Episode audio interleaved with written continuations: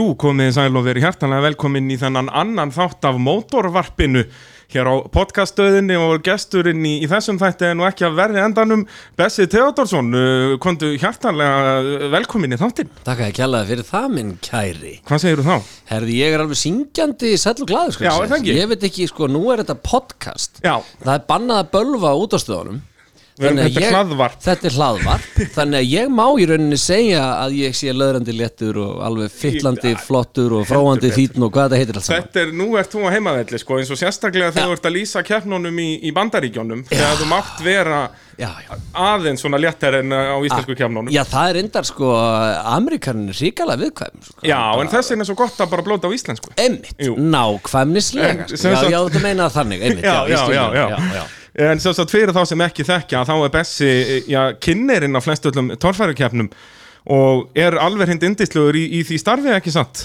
Er, spyrjum mig hvort ég sé góður í að kynna torfæri Já, já, Ég held að ég sé ágætur sko. Já. ekki það ég sé mikið fyrir það að blása í mína eigin lúðra en, en, en hérna ég, ég held ég sé fít sko. já. ég held að Og já, hvernig byrjaður í, í þessu? Hvernig að plata því það að fara að lýsa torfærukeppnum?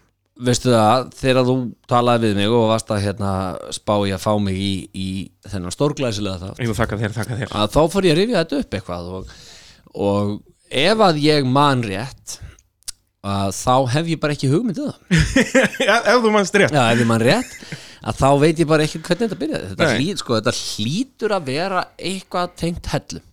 Ég er Er alveg- ekki fyrsta keppniðin bara þarna hella 2014 frekar en 15? Jú, ég held að það sé eitthvað svo leið sko, en, en sko, það gæti hafa verið þetta hafi byrjað sko, þetta er alveg örglega mögulega jafnvel 13 sko, Já, ok. af því að ég er búin að vera að kynna torfæru hérna heima allavega eitt Já. ef ekki tvö sumur áður við förum til USA Já, við fyrir náttúrulega til USA alveg 16, sko. Já, ég er að segja það sko Þannig ef ég hef verið, þetta, jú, ef ég hef verið að kynna þú ert 14 byrjaður og við 15 14, já, já, já. 2014 það, ég segja, við neglum það bara. já, það er bara frábært fyrir mig að hafa ekki. þá heimild skilur er- ég viti hvenar ég byrjaði að þessu en, en það hlýtur að hafa verið bara Kári hérna hellustjóri sem að okkar maður á vettvangi. Já, okkar maður á hellu og bara Suðurlandi Já, og Söðurlandsins heiminum. eina von. að hérna, hann hlýtur að hafa einhvern veginn plata mig í þetta sko. Jú, en þú ert náttúrulega mikil, mikil útvarpskempa, ég er bara að horfa á þig hérna mikrofón fyrir, fyrir, fyrir fram að þig Já. og bara ég hef aldrei séð mann sem líður jafn vel. Það, ég er, mér finnst afskaplega gott að hafa hljóðnema Er það ekki? Og, jú, og eins og torfærukernum og svona þegar maður er að, að, hvað segir maður upp á einskona talking shit, þegar maður er að drulla yfir hérna þegar maður er að drulla svona pent og fallega yfir mjög keppendur þá kemur þessir oft oft vel sko að, að keppendur sé ekki með hljóðnema tilbaka sko, Já, Að já, þeir já. get ekki svara fyrir sig Það væri kannski næsta svona evolution í torfærunni að setja þú veist eins og dómararnir í amerískum íþróttum. Þá fá þeir að, Já, mæka. þeir væru bara með svona eins og aðstofur komin í ralli sko, þeir eru bara mæki hjálminum og geta drullað á þitt tilbaka sko. Já, ég veit ekki hvernig það myndi sko, ef, ef þessi þróum myndi svo halda áfram þetta orðið sko, þetta geti endað í bölvari Já, þetta, þetta væri ekki, ekki fjölskyldusport lengur held ég, þetta væri átjón pluss á keppninar Já, ég held það. En mikið agalega, ég verð að segja það er agalega fín aðstæða hérna hjá þér. Þetta er yndislegt, podcaststöðin. Mikið, Já, podcastöðu, þeir hafa greinilega lagt vel í fyrir, fyrir mótorvarpi Ég sé Jú. hérna ertu með, með hérna, eftirlíkingar í fullri starð af öllum sigur tækjum mótorsport síðast en 50 já. ár. Það- það- Þannig jakslinn frá Helga Nei, hérna, sjöttaranum Jú, jú, Þóri Sjött. Já, Þóri Sjött, þannig með eftirlíkingu í fullri stærð Já, já, og Ólísbílinn úr allinu Já, hérna Subaru, já, einmitt, og og- kókomjólkin og Já, þetta er svolítið mikið rými Já, já, Þetta er, alveg heilt yðnaðabil sem við erum með hérna í Hafnarferðinu Já, sko, gaman líka að, við skulum sitja hér í sekundum já. að ræða að ræða, samt sko rafmagnskókabíla og ég hugsaði um þetta, með fyrstu þættinu voru þetta bensínbílar, sko, það heyrðist eiginlega ekkert í okkur, sko. Nei, en þeir eru í gangi það já, bara- já, já, þetta er bara svona heimilislegt Ég, ætla að fara að setja Já, já, sérðu, nú er ég búin að fara. Að fara Já, þetta var flott. Bessi er sem sagt svona vittlisingur fyrir þá sem vissu það ekki. En hérna, Þann, Þannig byrjaði þetta sennilega og, og, og hérna ég hef sannarlega fundið mig í þessu og náttúrulega bara eignast svo mikið að góðum vinum og líka eftir að maður fyrir að kynnast keppendum betur að þá hérna þá getur maður, þá hefur maður meira á þá sko. Já, Þá þetta er líka svona eitthvað brekkunni, svona sko. bara fjölskyldu stemming hérna í pittunum, hvernig og við sáum það nú bara mjög vel núna í keppnin í Noregi um helgina Mhm. og þá bilar bílinn hjá Alla Jamil sem að Já. lendi í öðru senti í Íslandsmóndinu fyrra Akkurat og Þór Þormar sem að vann hann í Íslandsmóndinu fyrra þeir voru að berjast þessu hundur og köttur allt síðasta ár hann kemur bara, heyrðu, hoppaði bara í bílinn hjá mér og Já. fann hann bara að lána hann Og það var ekkert verið að breyta rásröð sko. Nei, nei, það- þeir það var þurftu bara- ándjóks að hoppa. Það voru tíu mínútur eða, eða ekki það sko, sem Þetta að- var rosalegt. Þetta var, þetta en þetta er bara svo fallegt. Þetta, Mhm. þetta, sko, þetta sko kristallar íþróttina sko. Já, þú veist, þú sér þetta ekkert í Formule 1 Menn er að keppa, eðlilegur menn að keppa En svona ást og svona vinátta, þetta er bara ómetalegt og ég meina þann, svona virkar þetta bara eins og bara með alla alla keppendurna sko. Já, en maður sér það líka eins og með þig að hvernig þú hefur kynst komið svona við um glift þig í þess að torfæri fjölskyldu. Algjörlega. Og þá líka einhvern veginn líður þér miklu betur sko, að vera að, að þá svona getur gert skemmtilegra grína keppendum. Einmitt, já.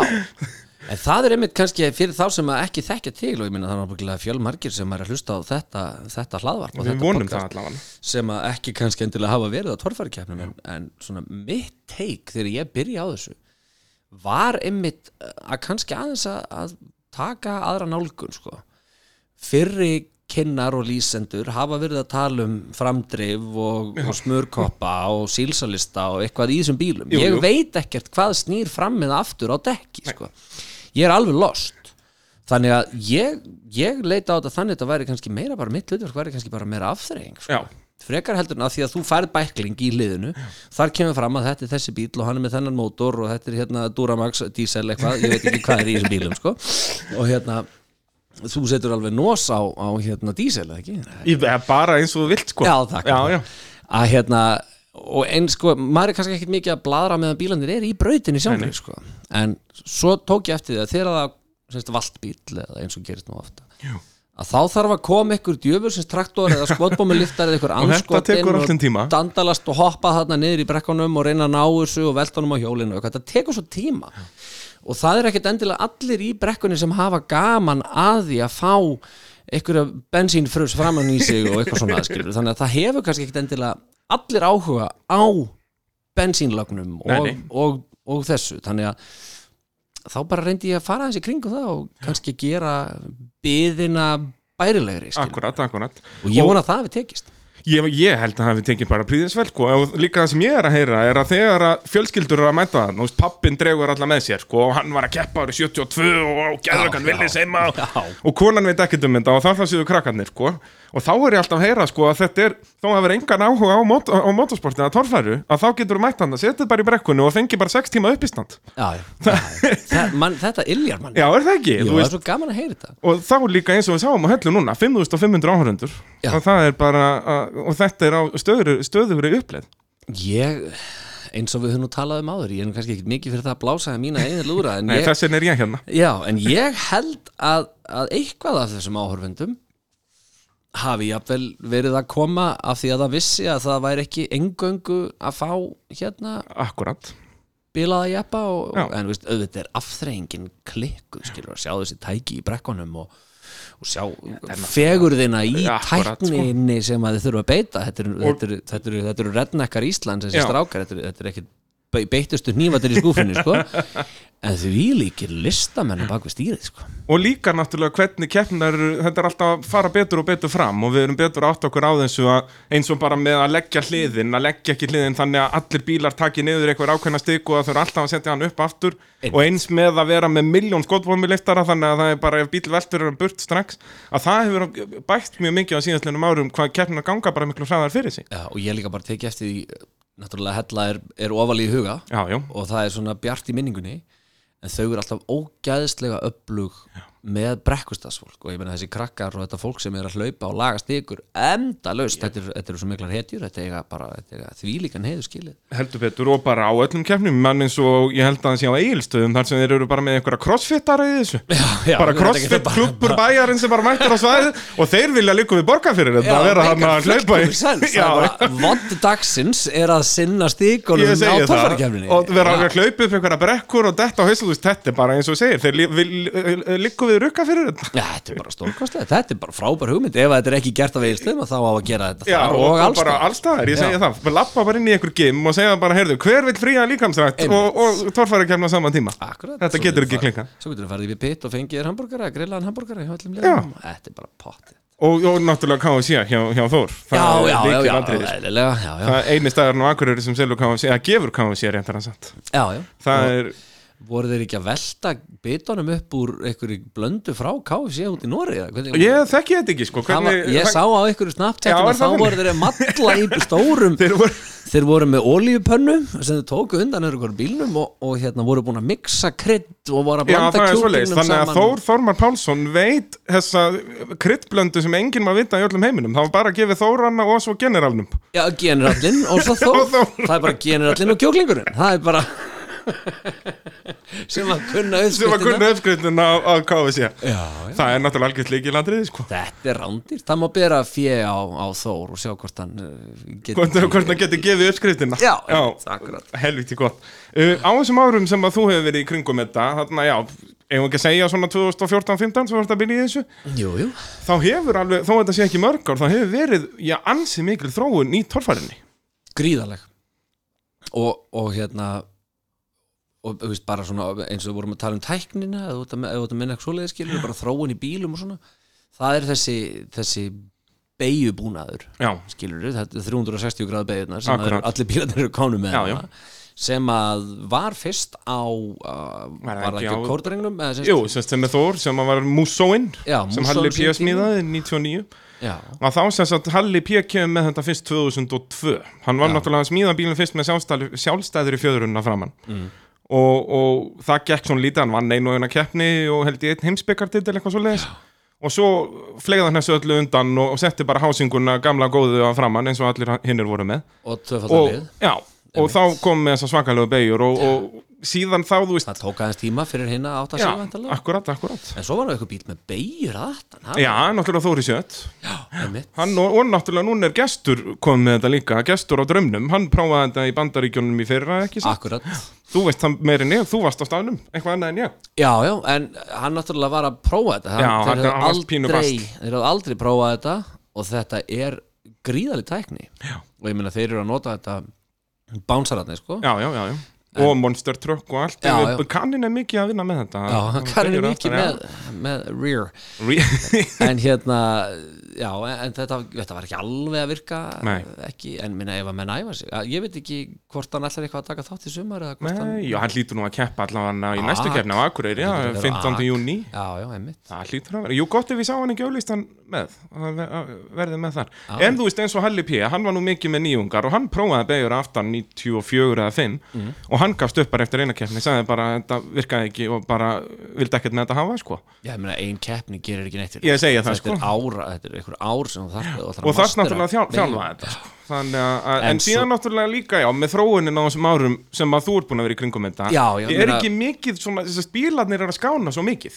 Það er nefnilega málið, þetta var náttúrulega sko, svolítið svona humbúk skilur, það var verið að skítmiksa og brasa og nefnilega staðlar og, og reglur hafa líka breyst og, og hérna, en, en þetta er orðin svo þetta er orðin svo töff bílar. Já, já, og það, þeir leggja svo mikið upp og það er kannski svona aðal breytingin það er þessi markaðslegi partur að, að nú ertum við geggjaðan bíl og ég meina þetta lítur út eins og, eins og ég veit ekki hvað hérna í gamla Já. þetta er bara, bara ræ já, en í dag skilur þá er alveg jafn mikið lagt upp úr felguboltum eins og eins og bara veldibúrun eða vélni eða- limmiðum skilur eða að hafa alla, alla svona body hluti ef það er hægt að setja þá eina gæsalappa ef þetta eru body hlutir þannig en, en veist að hafa þetta allt saman svona flott og allt nýbónað og menn eru með auka hút til að skipta út og Já, já. svona veist, að það, er, það er líka það, þetta er svona markasleg breyting fólk eru orðið svona meira meðvitað um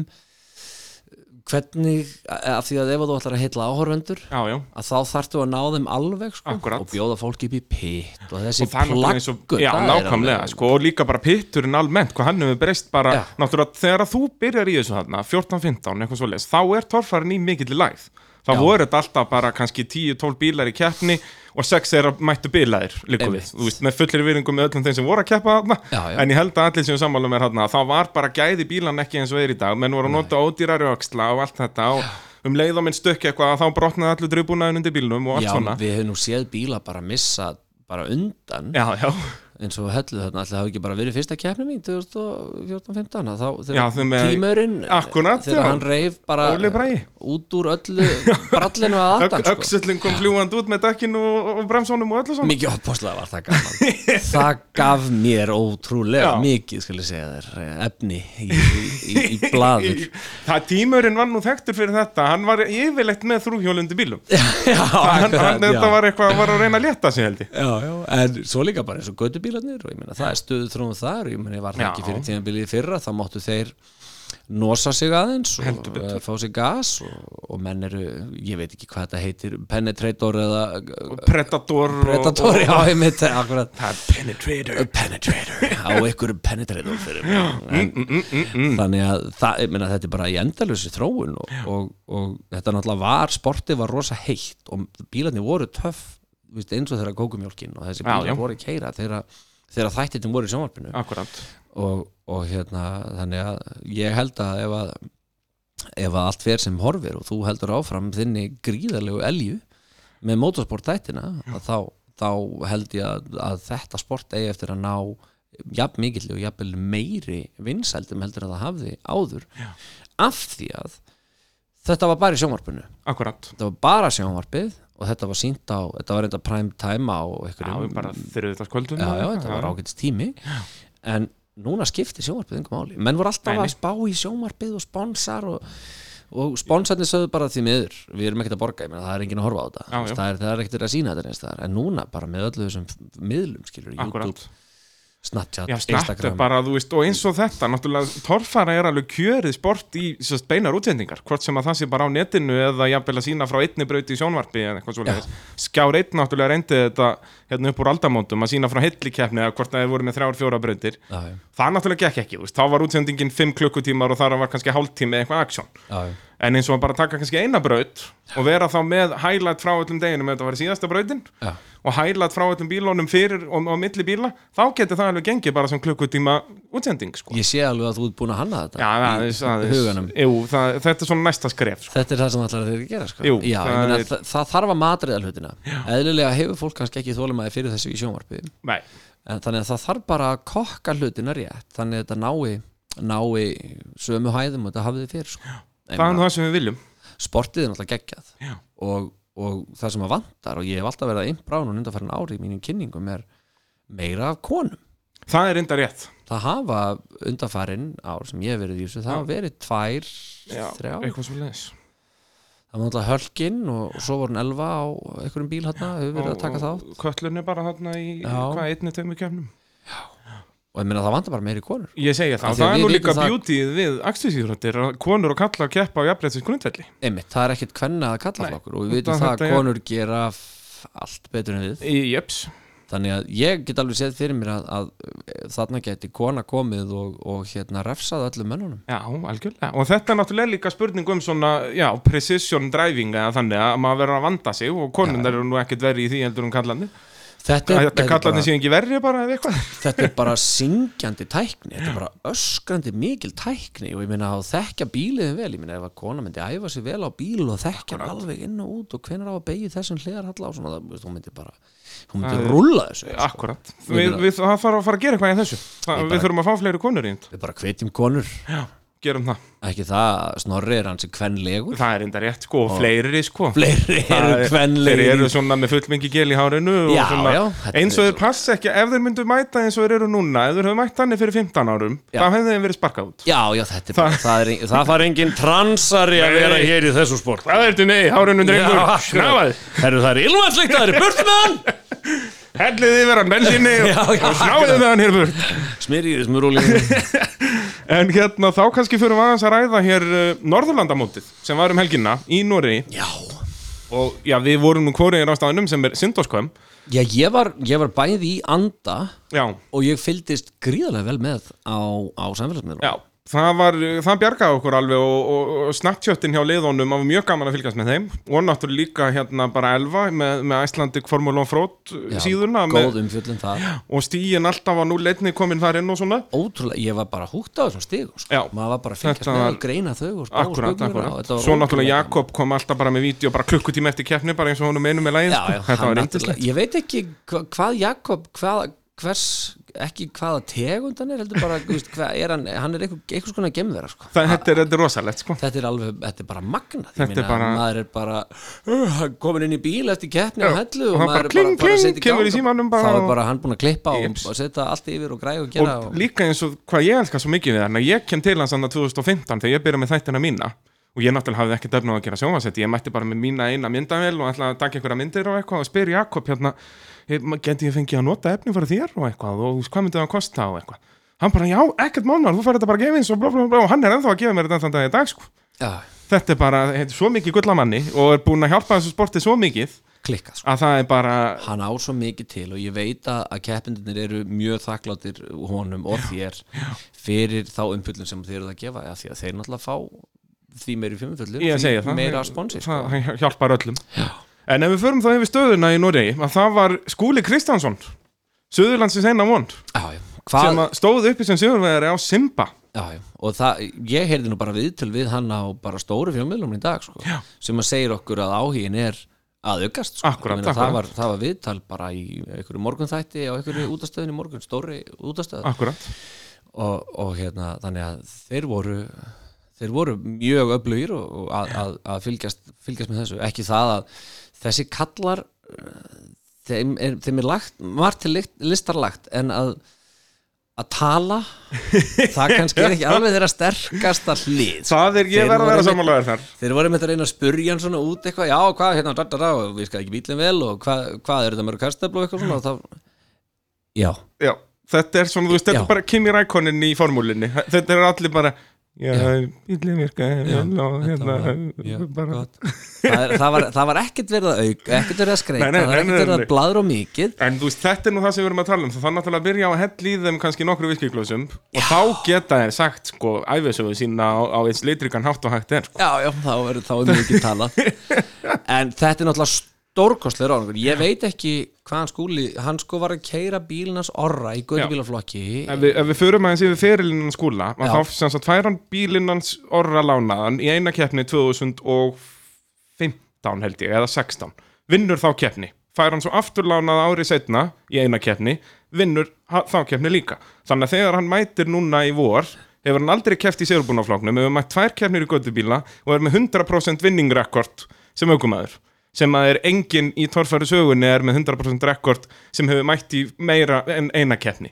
Ég held að hafa einn og einn mætt í eina keppni og unnið hana en það hefur enginn mætt í fleiri en eina og unnið allar keppnir. Þetta er, þetta er ótrúlegt og ég meina líka bara hann náttúrulega kemur af ákveðnum stað á, á landinu. Jú, það hafa nú, nú margir torfærubílar og aukumenn sprottið þarna bara upp úr jörðinni brottið þarna upp úr Já, ljónstöðum er, er þetta ekki svona þinn partur á heiminum þarna, þannig Suðurlandið? Jú, jú, jú, jú. Þú þekkir þetta nú Já, eitthvað þarna ég, þetta er svona í náranum á mér En þarna. hvernig er þetta? Er þetta, þið eru náttúrulega með mikið á svona ökrum og, og grasi og svona, er bara skvett bensín núna í jörðina og svo spretta upp bara litlu torfærukallar og, isudekk upp úr jörðinu þannig? Já, mér sýnst það sko Já, er það ekki svo svoleiðis? Og hvað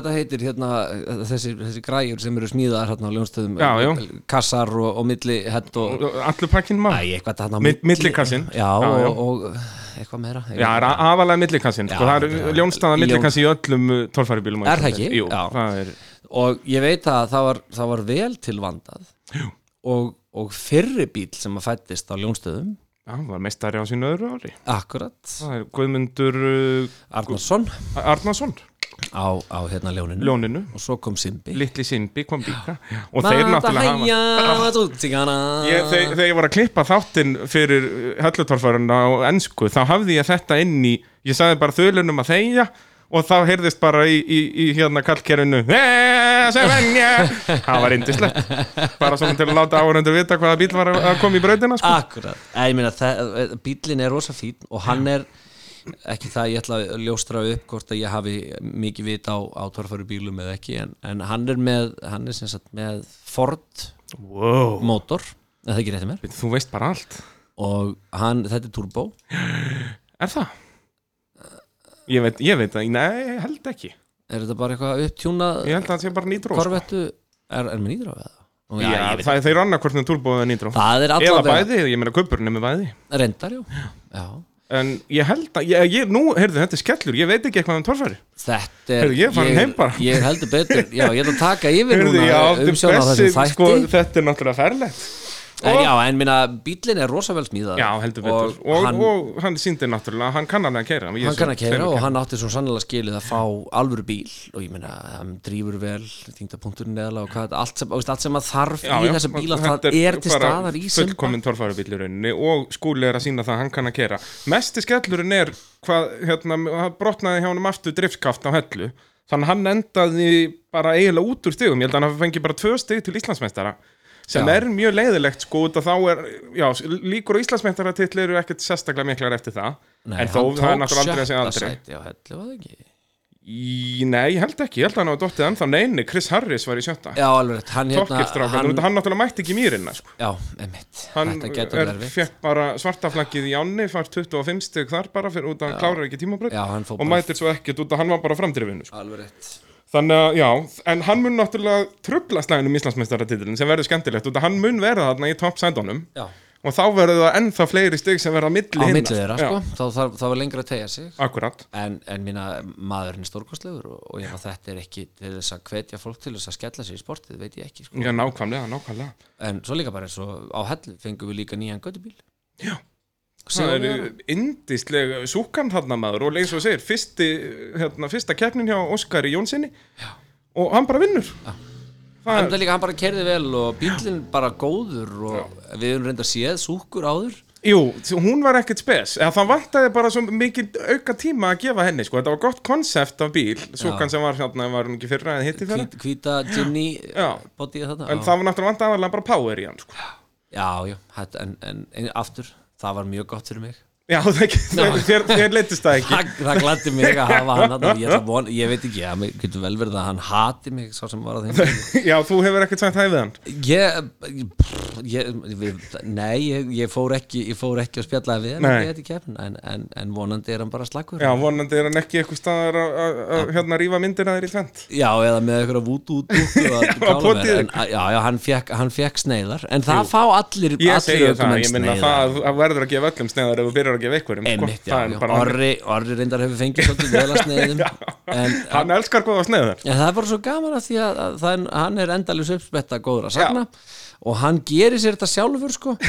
Og svo líka hefur hann alltaf verið að koma til mín og segja sko þetta er rosa fínt sko. Því, því, já, meiri, meiri aðtikli sem er á mér því meira fæ ég að spónsum já, er það ekki, þetta er, þetta er algjört líkin landri hann er alveg sáttur kallinn sko. Já. já, já. Uh, Í öðru sæti í Noregi var Haukur Einarsson á Heklu. Ökumæður sem hefur verið að bæta sig bara jæmt og þétt. Þetta er núna þriðja tímabilans á þessum bíl. Og hann var í öðru sæti, nei þriðja sæti á Hellu. Þannig að hann er svona sest, Ef maður ætti að tippa á eitthvað með Íslandsmeistaratitil Þá er það eiginlega Haukur svona, þú veist, ef ég verið með veðbanka Myndi ég sennilega setja á Hauk Miða við þessar fyrstu tvær keppnir.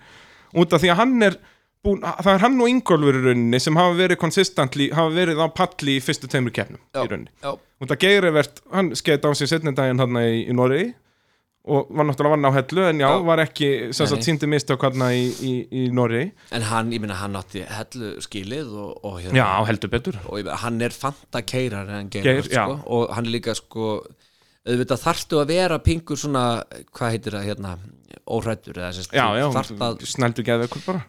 Þeir eru það náttúrulega sko, það er málið, en, en hérna Haukur, hann er búin að eiga hvað, þrjá bíla, hann, hann er búin að vera svolítið lengi viðriðin sporti já, hann byrjar þarna svona TAS. 2015 held ég, eða- nei 14 held ég hann Komatsu. kaupi Komatsuin sko, Já, og keft á honum held ég eina keppni bara ennþá gulum og, og bláum. Já, bara með, hann var með bakkó já, já, nákvæmlega. Já, og síðan eh, málar hann að rauðan minni mig og svo málar hann í, í satt taslitunum hann var þá bleikur og, og fjólublar. Og það er alltaf sami bíllinn. Já það er allt saman bílinn, Já. síðan mætir hann á þess að uh, hlungnum og hann heitir ennþá tas hjá honum Já, mætir honum 2015 þá sennilega.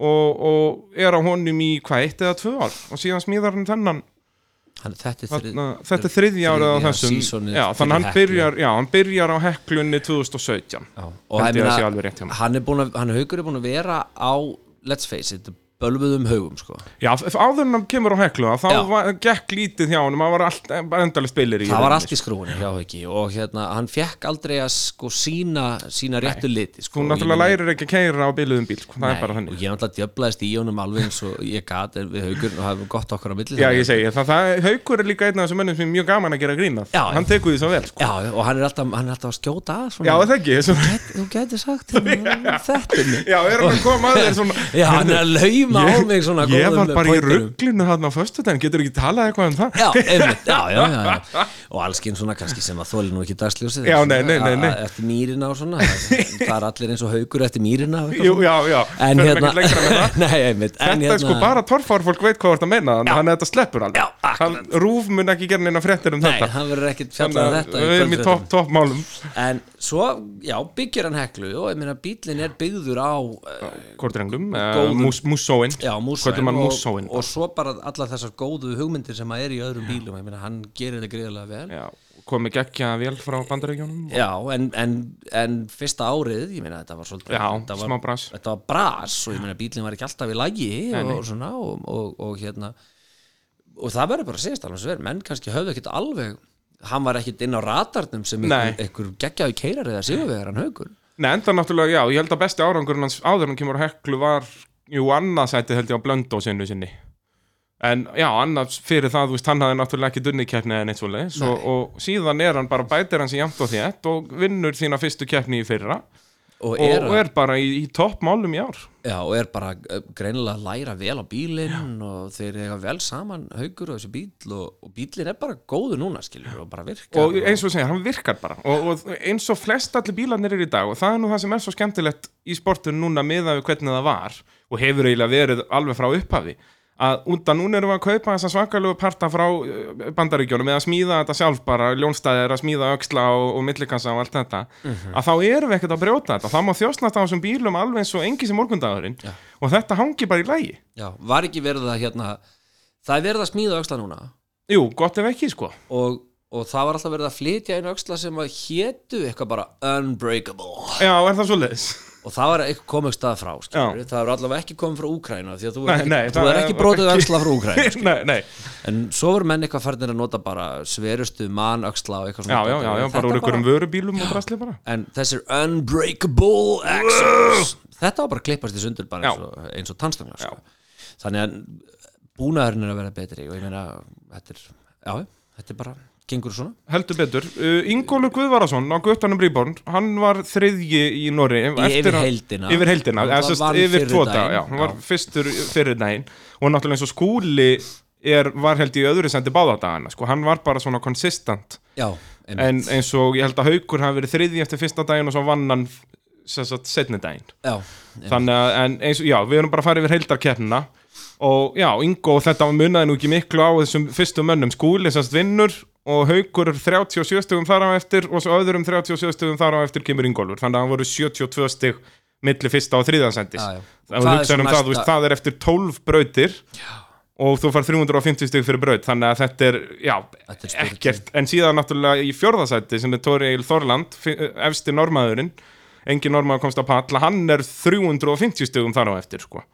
Já, já þannig að þeir voru í það, algjörum sérklassa hann já, þessi þrýr Íslendingar. Sko. en pældu í því samt hvað þetta er hvað eftir líka 12 brautir, þú veist, þó að þetta verður bara venjuleg keppni sem er 6 brautir, að þá verður þetta samt klós hugsaðu hvernig þetta sumar verður. Ég segi það, sumar 2019 þetta er verður mikla Wúi en þetta er ógeðslega gaman líka það var, það var mikill spenningur fyrir Noregi sko. Það voru margir þetta voru náttúrulega, þetta voru átta bílar. og mikið áhorfendum og fólk var bara og það er gaman.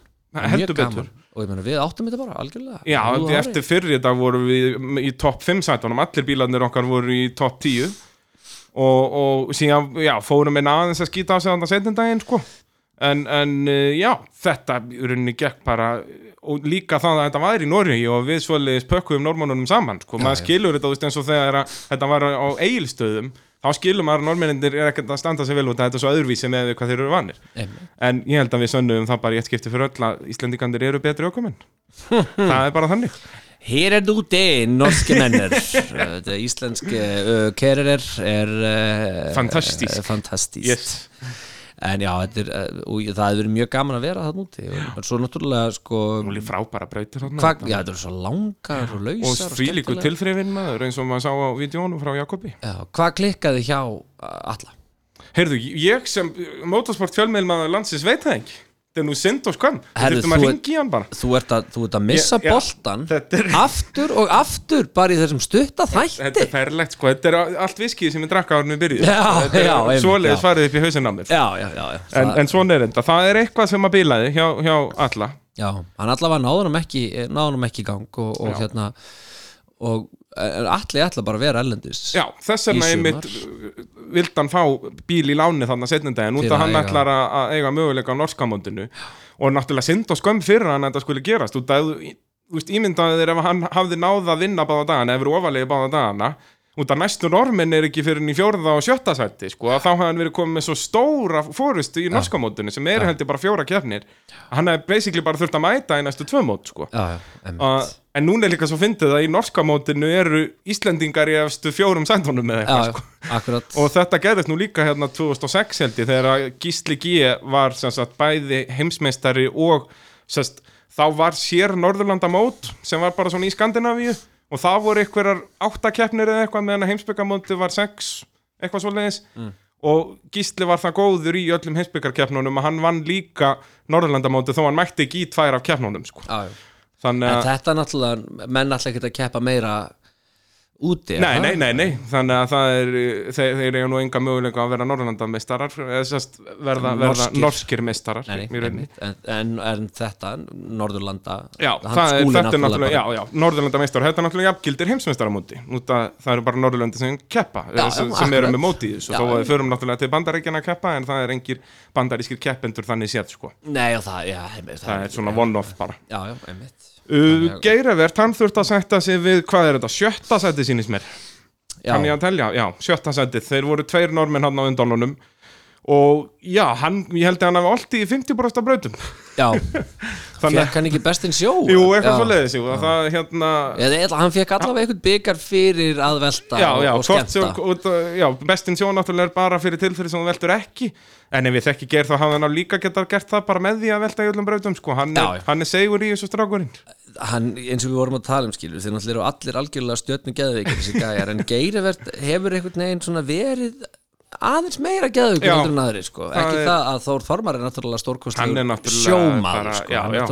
hann, hann, hann, fiskar og fiskar hann lifir fyrir að skemmta áhörfund Já. og það er svo yndislegt en, hérna, en, en Geirivert er einhvern veginn svona hann er ekki hann, það er eins og það sé svona aðeins meiri rökhyggja í Þórs sjóinu en Geirivert hann er bara Geir, og hann er bara farinn og hann er og bara hann er líka, sko, hvernig honum tekst að velta það er mjög skemmtilegt. Já, og Þór allavega hann er komin í lokabarðið og flýgur 40 metrum upp í loftið og eitthvað og, svona, og þá hugsa til, já, ok, hann var að reyna að komast upp. Já. Geir, hann er bara jafnslettu og veltur fjóra ringi og það veit enginn hvað er að frétta. Nei, nei, ekki hann sjálfur hann bara er ekki eitthvað, þetta er bara gaman. Eitthvað skilur þetta bara en þetta er náttúrulega það sem að gefur sportinu svo mikið lit það, sko,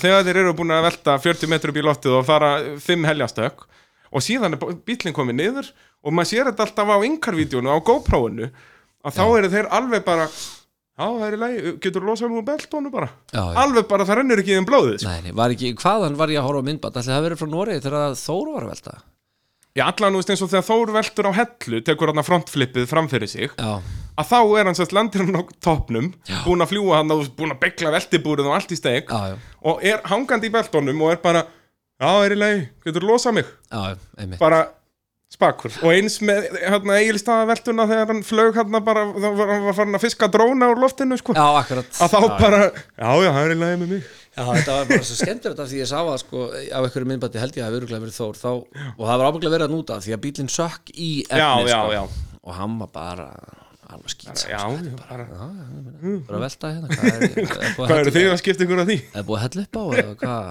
er ekki allir stakir allir potspakir en Geir náttúrulega, já, hann endaði sjöttið þarna en hann vann á hellu, við erum að gefa hann það. Já, já, fyrsti sigur hans á fellunum, hann byrjaði nú 2015 held ég, Akureyri 2015 já, og En það sem er svo að vera í- skemmtilega, já, hann er búin að vera í toppslagnum eiginlega frá fyrstu keppni. Hans hefur bara alltaf virkað. Þetta, hann er Já. með sérst, þetta LQ turbo setup að sérst, stál Einmitt V8, akkúrat. já, já, akkurat. þú þekkir þetta, Bessi. Þetta er LQ já, Já, en það, það sem að hann er með mikið LQ í, í, í, í húttinu þá er hann með rosa lítið af IQ í, kollinum. Þannig virkar þetta. Þú ert þú bífilavirki ég, ég þekki allavega að þú þarft að hafa rétt balans af. LQ og IQ og það var mikið af IQ og lítið af IQ Nei, mikið, mikið gott. Já. Og hérna og, og já, vann á hellu, þannig að Íslandsmótið er náttúrulega í, í góðum málum hjá honum. Já. og Akureyri næstan stendur sem nú yfirleitt vel á Akureyri. Já, bílinn bara virkar alltaf og það er eins og segja, hann hefur virkað bara frá 2015 og ég held að það sé að hjálpa hann svo mikið að eins og ég sagði þann, þú getur ekki lært að keira bilaðan bíl. Nei, ef þú ert alltaf með allt í skrúinni að þá lærir aldrei að keira nei, þá veist aldrei hvað þú átt að gera og í, þú veist ekki hvernig þú átt að bregðast við mismunandi aðstæðan og eins með geir að veist, það vitaði flestir þetta er ekki besti bílinn það er svona frekar hárþingdapunktur og, og og mætti breyta hinn og þessu en hann hefur samt ekkert verið að breyta bílinn þannig. Hann hefur eitthvað smá breytt fjöðrun og eitthvað og það hjálpar hann líka að læra á bílinn. Já. ef þú ert bara alltaf með sama bíl það gengur ekki að skipta um bíl hverju sísonu því að þá lærar aldrei að keira og bílinn fattar alltaf um leið ef það er eitthvað breytingar þá veistu nákvæmlega hvað, nákvæmlega. hvað, hvað, hvað hverju þær breyta. En það mætti lækka sem sagt húsið Já, það er náttúrulega vandamáli Geir er við bara eitt þriðji af heildar hæð húsin sko. Nákvæmlega, en það er náttúrulega vandamáli við þessa mjóu bíla eins og þeir eru, að, þeir eru ekki, það er ekki farþegarsætt í þeim skiluru, að þá situr aukumæðurinn ofan á sjálfskiptingunni. Já, þannig að þá verða þær alltaf hærri og það er náttúrulega þingsti parturinn í bílnum er yfirleitt aukumæðurinn ef aukumæður og vél er svona svipað þungt. Fer eftir hvað aukumæður er. Já reyndar, reyndar. uh, Já, síðan næstur í Nóri var Aron Ingi Svansson á Stormi, hann var þá í áttunda sendi sinni mér. Setni dagurinn gekk mjög vel hjá honum Ég náttúrulega er bara svona að horfa á stíin Já. Fyrri dagurinn var eitthvað brasa honum allavega, já, ég veit náttúrulega ekki nákvæmlega hvað var í gangi þarna. En stormurinn, bílinni honum, hann hefur verið mjög kynasandi í í þessum keppnum sem hann hefur keppt á með Honda-vélinni Já, já, Loksins, þarna þeir- 2,4 Heldur betur, sko. Bessi með þetta alltaf hreinu Já, það þarf einhver að vita eitthvað Ég um motorsport Þú nákvæmlega. ert búin að tapa öllu hérna. Fyrst að ég er hérna bara talandi út úr raskatinu Já, þá verður Bessi að vera með pötan á púlsinu En það, það, sko, Aron er allir Hann alltaf kemur úr úr torfæru familíu sko.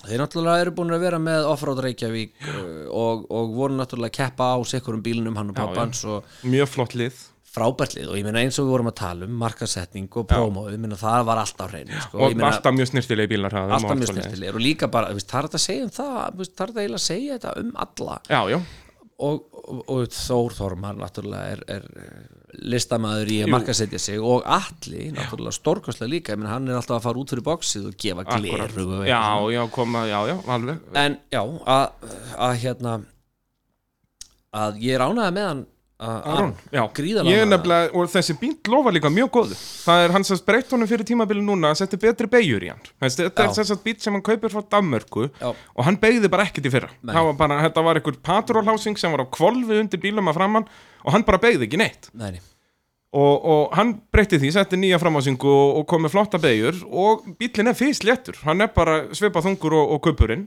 og með þetta sama afl. Og eins og sáum á hellu, það er nóg til þar. Já, og hann, svo fekk sem- tilþræðavelun þar mér að segja? Já, já, hann hefur ekkit verið endilega í ykkur í topparáttu hann Nei, hann hefur náttúrulega bílinn hjá hann zombie, hann var alltaf í einhverju bastli með bílinn. Já, hann gekk aldrei heila keppni, þegar hann gekk heila keppni gekk bara þongalega já, já. mér fannst alltaf eins og þeir bílar væru svo þeir voru svo stórir og þungir og eins og þessi eh, Toshiba og Tasen og, Já, og já. hvað það heitir, þeir voru svo stórir og þungir bílar sko. ég meina, en, en stormurinn lítur mjög vel út og, og hérna, hann er bara töff og, heldur betur og ég meina þarna ég held að þessi bíla þetta er ekkit, ekkit rándir útgerð hjá Aroni held ég Nei, nei, það er þetta hondust að fyrir eins og Maggi talar alltaf um það á kaupinum að þetta er ódýrasti torfæribílinn sko. ég meina það sko. og ég meina hann hefur nú unnið þó nokkra keppnir á honum þannig að þetta Já, er já. alveg veit og góð í, í þeim efnum ef þú langar að komast inn í sportið og, Já. og ég meina Fleia er í hondustafið Já, já, en ég veit ekki hvernig það myndi virka í götu bíla, það er náttúrulega margir sem að byrja þar eða svona Það er svona þægilegast náttúrulega að byrja í í bíla á meðan þú ert svona komaður inn í þetta? Akkurat, uh, á eftir Aronni í Noregi var Ásmundur Ingjaldsson á bombunni, það verðist ekkert hafa gengið upp hjá honum þetta tímabilið. Nei. Mér þykir svo vænt um ása. Hann er indislegur þetta er, þetta er, svo, þetta er svo mikil topp náki og ég meina eh, ég, var, að- ég, var, ég er kallað alltaf ása frænda hann Já. er bara alltaf verið kallaðar ása Það er- Hann er frændi þjóðarinnar. Hann er bara frænda alltaf svo var ég að labba, ég mani þetta svo vel ég var að labba þetta bara meðfram girðingunni áhrænda girðingunni við ána og hellu. Já, þá kallar ykkur bara ég, þetta, var, þetta var svona barn eða svona yngri, yngri áhorfandi. Og hann var eitthvað bara já, er, er hann alvörinni frændiðin og ég bara, nei hann er frænd okkar kom svona viskubrunnur þarna frá bessanum. Og krakkin bara horfði og hafði gaman að og ég ætla bara að vona að hann kalli á svo er, en hérna, út af bílinni honum, hann mætti með nýjan í fyrra já, og hann virkaði bara alltaf bílinn það já, var síðasta neitt var mjög gott hjá Ása sko. og þá náði hann einmitt að, þjálfa sig sem ökumæður og Já. var svona alltaf að bænda sig.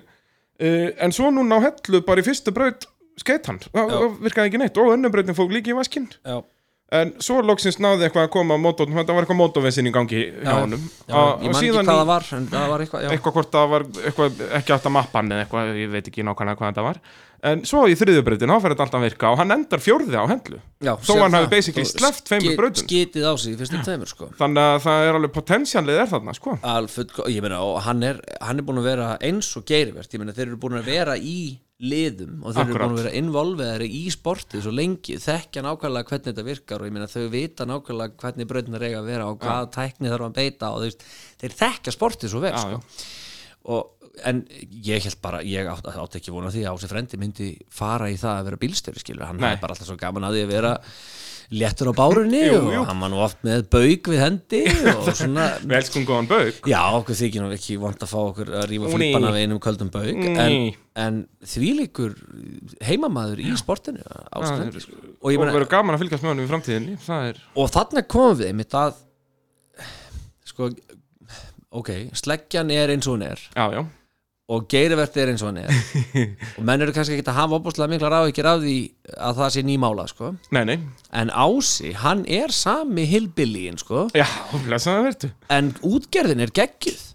Það geti ekki allir verið gortis Akkurat, Ha? útgerðin er algjörlega stórkastli Bílinn er alltaf mjög flottur.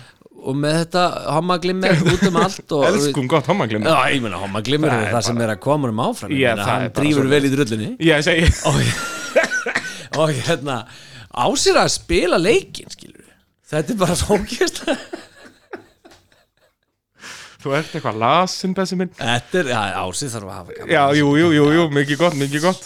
Þannig að þetta er það er, það er virkilega vel gert. Og ég meina bílabras burt sér frá því að þá er þetta hundlegir þetta lendi í því en, en Já. hérna hann er Hann allavega að passar að þjálfa sig leiknum vel. hann er að þjálfa sig gríðlega vel og þessi kallar eiga eftir að vera í toppbaróttunni haugur og ási og, og ég meina geir og þetta verður, þetta verður geggja sumar. Ég held það nefnilega. Fyrir torfarm sko. og síðan já, í, eftir ása í, í Nóri kom Þórþorma Pálsson. Og eins og með hjá ása það hefur bara ekkert gengið upp hjá ríkjandi Íslandsmeistara. Nei, hann er alltaf búin að vera hann er búin að vera í sportinu lengi. Já, hann náttúrulega búin að keppa síðan 1995 sko. Já, ég ég var tveggja ára þegar hann byrjaði að keppa. Hann náttúrulega er bara, hann er búin að vera keppandi síðan, síðan Já. en hérna hann, hann er síndið þá sannara hann er með svona það er svona, hvað sagði ég, rök rök hugsun í geðveikinni sko. Það er, það er eitthvað svona einhverju leit það er allavega eik, að einhverju leiti er eitthvað verið að pæla í ruglinu sko. Já. E- eins og, eins villast og það hljómar sko. Það er einhver regla í rugli og, og það- er það sem að Þór vinnur á og Akkúrat. hann bara tók sumarið fyrra og minna, hann er búin að, ganga vel undan fyrir ár já, algjörlega sko hann er svona einn af þessum ökuminn sem var að bæta sig hægt og rólega, hann náttúrulega, já, byrjar að keppa 95 en keppir ekki nálægt í öll ár síðan, Nei, sko. einmitt, já. En byrjar aftur á svona fullu hann eitthvað svona, já, 2013-14 eitthvað svo leiðis Hann var á, á heimasætunni í, í smá stund. Já. voru ekki hann og Elmar saman á henni fyrst, minni mig? Ekki, Og svo á Spiderman. Já, akkurat, hann var á Já, sko. og, og þá var þetta eins og hjá svo mörgum öðrum að það var allt í skrúinni þetta bara, bílinn var alltaf bilaður. Já, og náttúrulega Þór keirir eins og Þór keirir þannig að þegar, ef bílinn bilaði ekki sjálfur að þá brotnaði eitthvað út af bensínfættinum á Þór. Já, og, en síðan náttúrulega kaupur hann uh, kortrengin af Snorra. Og st- fyrsta ári gekk bara príðis vel var náttúrulega mistækur, var að venjast bílnum hann 2017 já, skiljanlega. Menn eru bara að læra á svona tæki sko. verða ekki, tekur hann ekki sísoni 2017 á hann? Jú, Jú, jú, jú. jú, og svo 2018 verður hann meistar á hann Já. og síndi þú veist eins og Akureyra keppnin hjá honum í fyrra var bara einhver mesti masterclass sem við höfum séð í torfæru Já. hingað til, hann fekk 350 stig fyrir lengt í öllum brautum Já, já var það stað? Já, já, bara fyrir utan alltaf tímabrautin hann fekk, var með næst besta tíma þar eða eitthvað svo leið sko, en annars fór hann upp í öllum brautum og vann, hann var búinn að vinna keppnina þegar einn braut var eftir sko. Hann er svo indislegur, hann er svo, hann er svo all in í þessu sko. Já, en síðan getur hann umpólast svona svakalega eins og Akureyra keppninu fyrra. við höfum bara aldrei séð annan eins akstur.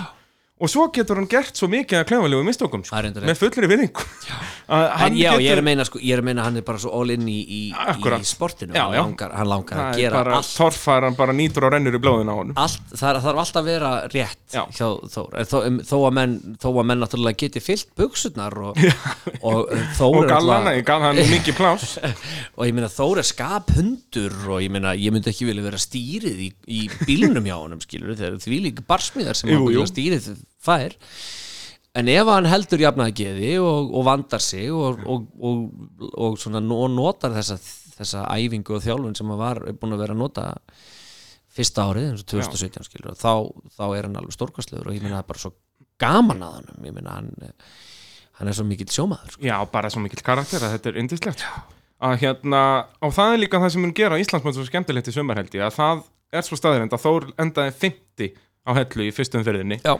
að hann mun ekki vera 50 í öllum kefnunum, ég get lofaði því, hann mun vinna kefnir í sumar. Já, já, en þá gæti, þú veist eins og ef, hann, ef Þór vinnur á heimavelli næst sem er nú bara mjög líklegt já, já. að, og Geir lendir annar og eitthvað þá er komið bullandi slagur í Íslandsmóndið sko, og þeir náttúrulega verða allir hann í toppslagnum. Geir, Ingo, Haukur náttúrulega líka Haukur yfirleitt góður á Akureyri. En það er náttúrulega komin pressa á Þór að vinna á Akureyri. Eftir þess, ef hann skýtur á sig aftur eins og hann gerði á hellu Það var erfitt þá er Íslandsmóndið orðið erfitt fyrir hann sko. þannig að það er eh, sannlega mesta pressan er á, á heimamannunum, Þór Þór meira pálsinni Já, já, emitt Uh, svo er það allir Jamil, hann endaði, ég veit nú ekki nákvæm, 11. setið eitthvað svo leiðis á, í Norri. Já, byrjar hann dag tvö, hvernig var þetta? Já, já, hann byrjar, hann í rauninni, það fyndna við þetta er að allir Jamil hefði unnið, það er alltaf gaman með ef og hefði í motorsporti, sko. Já, já, Að hann hefði unnið Þór setni daginn ef að Þór hefði ekki oltið bílnum hann, held að hann verið í annari braut og braut stýriskangin í honum. Já, og þá misti allir af þeirri braut. Já. ef allir hefði bara fengið eitthvað 100 stegu eða eitthvað bara svona, já, eða 150 eða eitthvað, þá hafði allir verið á undan Þór, sko, á, á bílnum hans Þór Já. þá hafði Þór getað labbað þeim, sko. Já það, mögulega segir okkur að Þór hafi kannski verið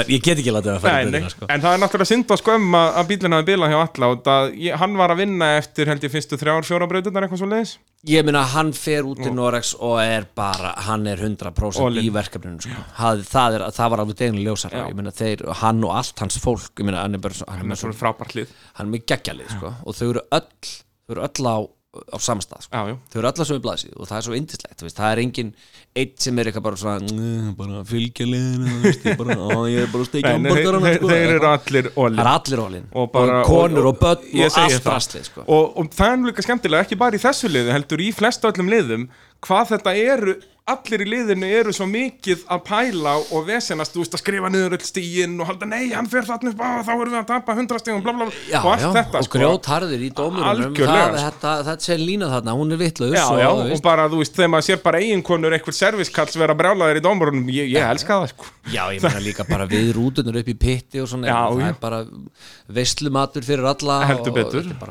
grilli í gangi allan daginn og bara jólinn sko þá, já, sérst, hellutorfaran, við erum nú svona eiginlega búin að fara yfir hana, það var Geirivert sem vann, Ingo var annar, eftir, já, hafa nú ekki mörg stíð á Nei. Ingo vann, leitti nú framan af, sko, já, og Haukur uh, þriðji, Haukur var bara svona stedd í allan daginn, hann, svona tíminn hans í fjórðurbrautinu var ekkert spes, svo var hann náttúrulega geggjar á vatninu en, en skeita á sig í mýrinni, festið sér þar, Já, þvílíkt spól og já, já, með mitt Það var súrt, það var rosa súrt fyrir Já. haug að- hérna taka mýrina þannig en, en hérna, en ég maður heyrir það bara á honum veist, hu- hugafarslega. Akkúrat. hann, hann, hann er farin að hugsa svolítið eins og Þór sko. ég ætla að vinna, já, já, ég ætla bara að vinna hér í dag. Svona, og, og, og hann er hann er svona yfirvegaðari hann er ekki, hann var svolítið svona Já, kátískur var, var mjög svona viltur hann var alltaf svona, ah, svona ráðviltur svolítið fyrst sko. En hann er algjörlega held ég hann er svona að ná hann er að ná haustnum í kringum sig. Og ég meina að þetta er náttúrulega léttir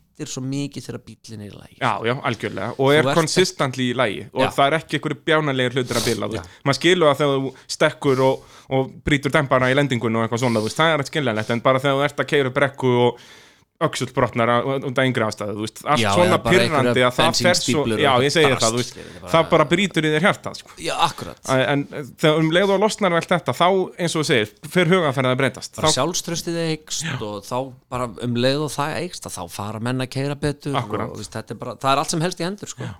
Þetta er alltaf bara íþrótt þetta er ekki, Já, þetta er já, ekki bara, þetta er- ekki bara helbilís á, á okkur sláttuvelum sko. nákvæmlega, nákvæmlega.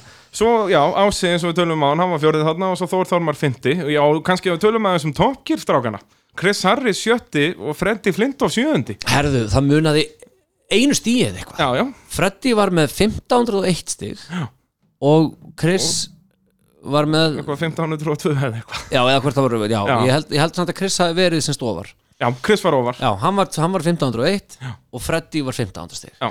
og líka þegar pródusentin kom eftir keppi hann bara, ég síndi honum skorkortið Já. já. þetta er svona og hann bara fór, svo kom hann aftur bara, býtu, wait a minute. Wait a minute. Má ég aðeins sjá þetta aftur? Ég bara, já, þetta er bara, hérna, það munar einu bara, you shouldn't me. You shouldn't me, that's perfect. Oi! Oi, have a cup of tea. Og það var, það veist, það er náttúrulega á eftir að gera þáttin já, heldur betur, ertu búin að sjá trailerinn af þettinum? Já, hann er geggjaður, þetta verður litla veislan. Já, ég er alltaf búin að sjá sko trailerin fyrir Það er bara seríuna, já, það kemur bara ein lítil þarna, sko, þetta verður rosalegt, sko. Þeir gera þessu góð skil Já, og, líka hérna, bara production value þjá Top Gear, það hefur náttúrulega þó að þeir þreminningarnir séu farnir hérna, þá náttúrulega gæði þáttarna er bara betra já, klipp, klipping og myndataka Já, og og bara maður sá líka krú, þetta var 30 manna krú þarna og þú veist, ég hef aldrei séð hana eins sko. Ég er alveg viss um það að þessi þyrla var þeirra vegum sko. Já, já, þetta er, þetta er bara Þannig að rosalegt. það var vel í lagt og þetta á eftir að hjálpa torfærunni í heild Já, algjörlega, eins og að þetta gerði náttúrulega á sínum tíma. Top Gear náttúrulega, við vorum með smá umfjöllun hérna 2002, 3 Já, þeir eru búin að koma fjögur einu sinni kannski. tvisvar. Var ekki gísli fór með það Jú, einu sinni gísli út á Klefavatni að fleita. Og einhver annar, ég man ekki hvort það var Raki Róbert Já, kannski. hvort það var Raggi, var ekki eitthvað með þeim Jú, það er það kannski að hafa fyrir þýst sjónvarpeldi Og Já, svo náttúrulega. Gísli fór líka með Jeremy Clarkson í ána Motorworld Eru náður en Top Gear, nýja Top Gear byrjar hérna 95 Einmitt, já Þannig að náttúrulega Jeremy er mikill aðdáðandi íslensku torfærunar sko. Hann hefur komið að horfa á keppnir og allt sko. Bara Já, hann á svona, já, upp úr aldamótum Já. En það var mjög gaman að hafa þá og það var sérstaklega gaman fyrir kynnin að geta djöfla stíðum Já, ég segi það, þar færður líka út, útrás fyrir, fyrir sjálfur að þegar þeir skiljaði ekki sko. Akkurat, það, það, Það það er- sem við vorum að tala um að geta ekki svara fyrir sig Draumurinn. Þetta er fullkomið sko. Og þá kannski förum við aðeins í, í USA ævintýrið. Já, Við elskum nú uh, bandaríkin góðu. Já. Og þar hefur þú verið okkar maður í, bara öll árinni ekki, 16, 17, 18 við erum búin að vera þrjú ára Hefur verið farið þarna út. Og, og ég hef nú bara farið tvisvar, ég fór ekki fyrra. Verulegur skellur það. Já Var það nærböksunum heima bara að gefa þér staðrindir á Facebook Live. Já, akkurat. Það, það, það var mjög gott. Já, það ekki? Já, síðast ára fór svona Það var aðeins öðruvísi Já. heldur en hinn tvö sko, við, af því að út af þessari þessu, lif- þessu live sjónvarpi sko, Já. þessu, þessu live TV frá frá SRS uh, að þá hérna þá var ég ekki eins mikið í brekkunum eins og ég Nei. hefði Já, bæði- þú svona skiptir tímanuðinu með það Já, ekki, ég milli þurfti að vera og- bæði í læfinu og upp í brekku Já. ég veit að áhorfendur, íslenskir áhorfendur voru að kvarta ef ég var ekki í brekkunni og Já, já, Sest, þeir sem voru úti og, og þeir sem voru svo heima að horfa, þeir voru að kvart yfir, já, já. að ég væri ekki Allir í að kvart yfir öllum Já, hann er, það hefði Um verið leið og gott að bessin hafa er náttúrulega ekki innan handar þá verður Já, allt vittlust ná, bara líðum henni sem vill Já, já, ég þekki það bara sjálfur ég gæti ekki lifað á mín Nei, sko. er það ekki? Bara speillin er besti vinnurinn ég skil ekki hvernig aðrir geta en hérna þetta þetta bandaríkjæfintýri er algjörlega stórkostlegt og ég meina ég er bara svo þakklátt upp upp að hafa bóðið mér með og,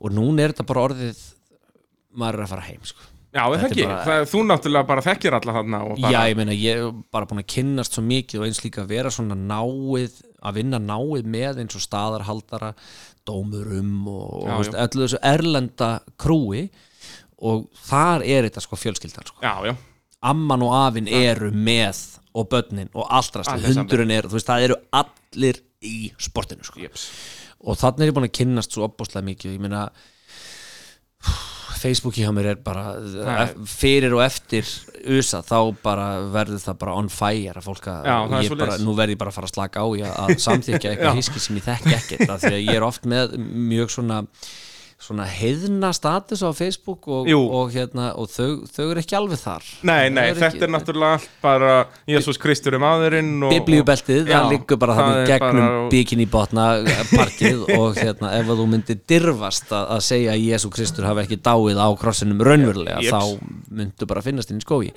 en, en þetta er svo gott fólk þetta er svo er fólk nú, og, við getum sagt hvað sem við viljum við Jésús Krist en fólk sem að trúir á hana það er nú yfirleitt uh, verulega góðhjartað sko. Já, já, og það ég er- meina burt sér frá því þetta er bara svo, þetta er bara- er svo vel, vel gert fólk Já. ég ætla að fara að segja vel gefið, það hefði ekki Já, verið nei, rétt. nei, þetta er En- náttúrulega allt sko, bræður og systur sem eru líka, líka hjón sko.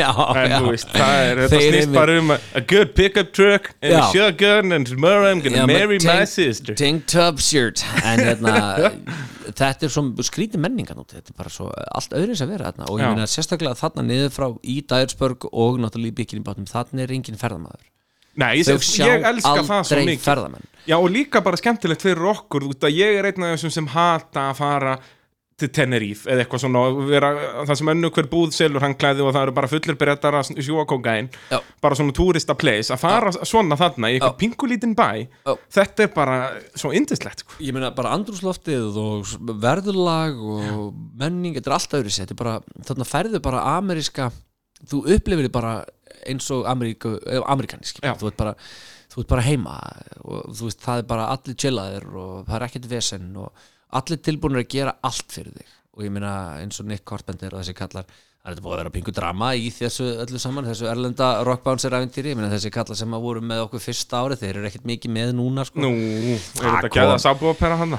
það kom eitthvað upp á og menn fór að rífast og fengur lánaða bíla og ætluðu að smíða annan og þetta er svona pingu drama sko þannig að en, en það, það breyti því ekki þetta er allt saman gæða blóð og ég meina hann, hann Nick var alveg ómetanlegur fyrsta árið skilur, hann þekkt allar búðirnar og alla viðgerra kallana og þeir, þeir hérna hann var svona aðalmaðurinn í því að retta varalhutum Já, og, og náttúrulega Dave C líka bara um, my brother from another mother eins og þau segja sem er sagt er, er kynnirinn. Já, og hann sér um live feedið núna á samt Prímólitor og, og ég kynnist honum hann að fyrsta ári við náum mjög vel saman og, og hérna erum í miklum samskiptum bara. Já, og svo kynnist ég náttúrulega Zach Garner sem er í rauninni hillside kynnirinn þeirra það, Já, já, hann, já, er, ég hann, er, hann. er í brekkunni sko.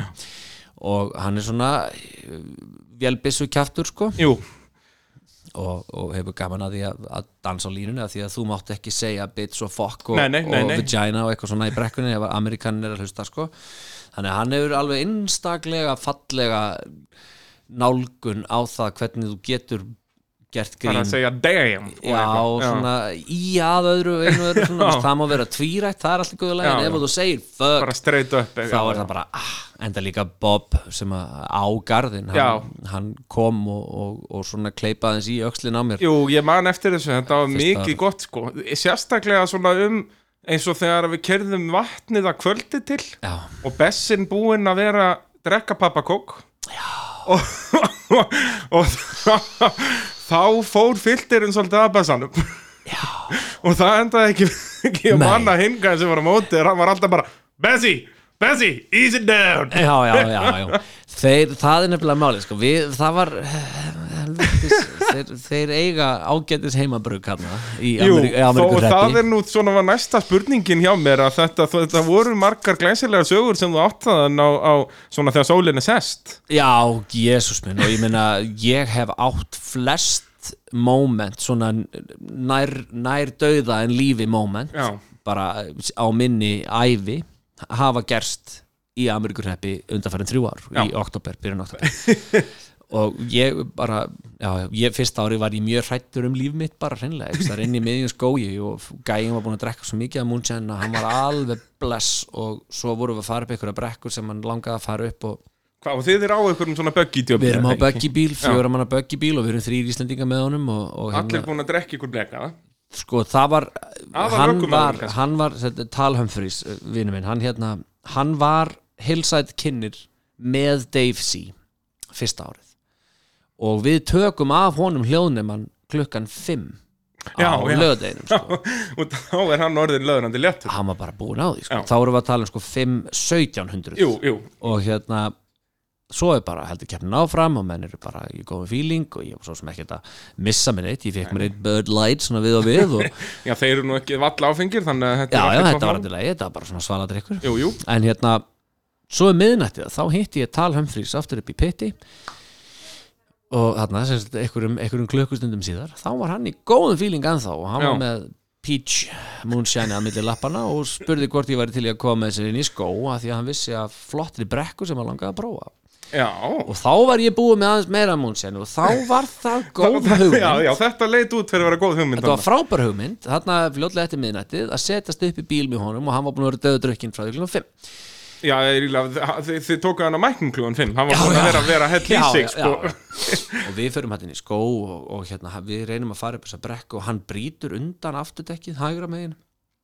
Og ég lít svona til hliðar og þá er bílinn að renna aftur og bak og ég sé afturdekkið hérna við hliðin á hurðinni Já, já, þú fram getað snerta bara. Já, já, ég bara hérna og ég sagði, tell, you're tired. og hann bara, nei, nei, nei, nei og svo bara gaf hann mér í og gaf mér í og svo var bílinn alltaf farin að móka sig niður sko hægra megin að því að hægra front ekki- bara já. mókaði sig niður og, og við vorum bara farin að halla helviti mikið þá hoppa ég út úr bílnum og þá átta mér á því hvað brekkan er brött sko. og það er alltaf svarta myrkur Já. ógeðslega mikið myrkur og, og við erum bara í bölvuðu brasi sko.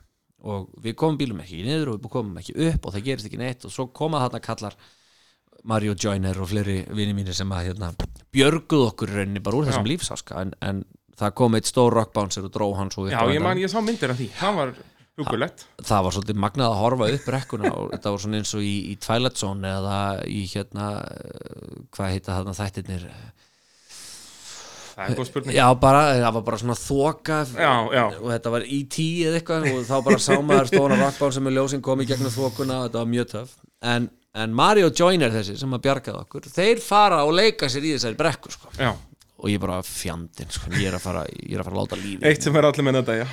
Akkurat. Og ég var bara búin að sætta mig við Já, það já, það ekki, hjálp skilur. Þetta er bara- er gott, ég er bara búin að eiga gott líf. Ég segi það.